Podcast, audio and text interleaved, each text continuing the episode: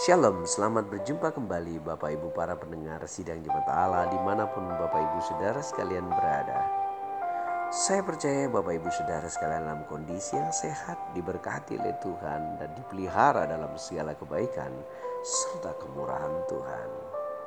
Kita akan segera mendengarkan renungan firman Tuhan dengan judul Kita ada di dunia ini bukan karena kebetulan.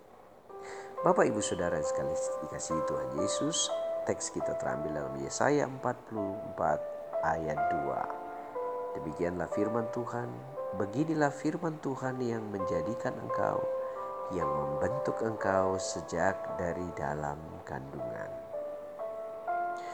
Bapak Ibu para pendengar saudara sekalian di mana pun kita berada, kita ada di dunia ini bukan karena kebetulan Kelahiran kita bukanlah suatu kesalahan atau kesialan, Bapak Ibu Saudara.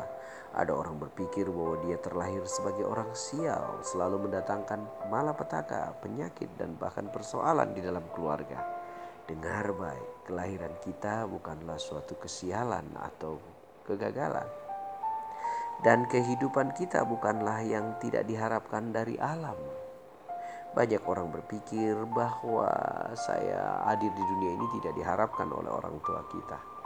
No, Bapak Ibu Saudara. Orang tua mungkin tidak mengharapkan kita.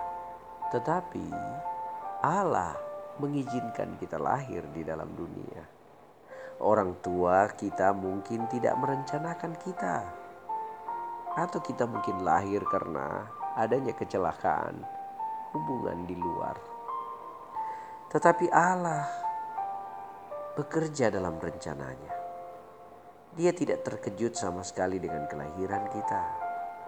Dan percayalah bahwa ketika kita ada di dalam dunia ini, dia mengharapkan kita memang ada di dalam dunia ini. Jauh sebelum kita ada dalam benak orang tua kita, kita sudah ada dalam pikiran Allah.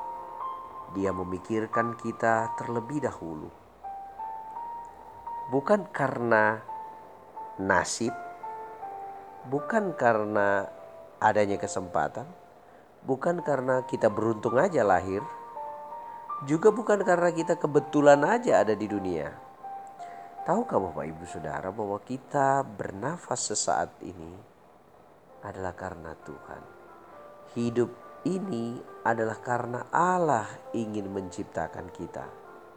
Alkitab berkata bahwa Tuhan akan mengenapi tujuan-tujuannya dalam kehidupan kita. Allah lah yang telah merancang setiap bagian tubuh kita.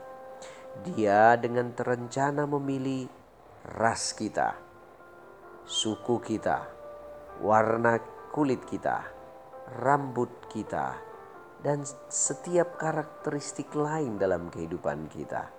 Bayangkan Bapak Ibu ketika dilahirkan kita tidak pernah memilih untuk dilahirkan. Dari dari seorang bayi tidak pernah memilih Bapak Ibu. Lalu siapa yang memilih buat dia? Orang tuanya kah? Juga tidak. Allah lah yang memilih mereka lahir. Jadi memang sangat disesalkan ketika ada orang yang berpikir bahwa dia lahir ke dunia ini hanyalah karena sebuah kecelakaan atau tidak diinginkan. Jangan. Bapak Ibu ada di dunia ini karena Tuhan menginginkannya. Nah, para pendengar dikasih Tuhan, Tuhan mengenal kita. Ia mengenal kita lahir dan batin. Sebab itu, janganlah khawatir, janganlah bimbang, janganlah ragu, Bapak Ibu Saudara sekalian. Karena Allah membuat kita untuk suatu alasan. Dia juga memutuskan kapan kita akan dilahirkan. Duh. Dia juga yang memutuskan berapa lama kita akan hidup di dunia ini dia terlebih dahulu sudah merencanakan hari-hari kita ke depan, memilih waktu yang tepat untuk kelahiran kita, dan bahkan waktu untuk kembali kepadanya. Alkitab berkata bahwa sebelum aku lahir, engkau telah melihat aku. Sebelum aku mulai bernafas, engkau telah merencanakan setiap hari-hariku. Setiap hariku tercantum dalam kitabmu. Jadi Bapak Ibu Saudara sekalian, Allah juga merencanakan di mana kita akan dilahirkan. Wah saya lahir di rumah sakit Pak, puji Tuhan. Oke. Saya lahirnya di taksi Pak. Oh luar biasa. Saya lahirnya pas di kamar mandi Pak. Ibu saya itu melahirkan. Oh, nah tahukah Bapak Ibu Saudara? Allah juga yang merencanakan kita lahir di mana. Dan ia juga yang akan mengarahkan kita pada tujuan-tujuannya. Suku, ras, kebangsaan kita bukanlah suatu kebetulan. Bapak Ibu Saudara sekalian, Dialah yang memilih kita untuk hidup di dalamnya. Allah tidak membiarkan satu bagian pun terjadi secara kebetulan. Ingatlah bahwa kita ada dalam dunia ini bukan karena kebetulan. Dia merencanakan semuanya untuk tujuannya. Alkitab berkata, dari satu orang saja ia telah menjadikan semua bangsa. Dan ia telah menentukan masing-masing bagi mereka dan batas-batas kediaman mereka. Jadi tidak ada satu hal pun dalam hidup manusia yang terjadi dengan begitu saja. Semua sudah direncanakannya. Semua untuk tujuannya. Nah, yang paling mengagumkan Bapak Ibu Saudara sekalian, Allah menentukan tentang bagaimana kita akan dilahirkan tanpa memandang kondisi kelahiran kita atau siapa orang tua kita.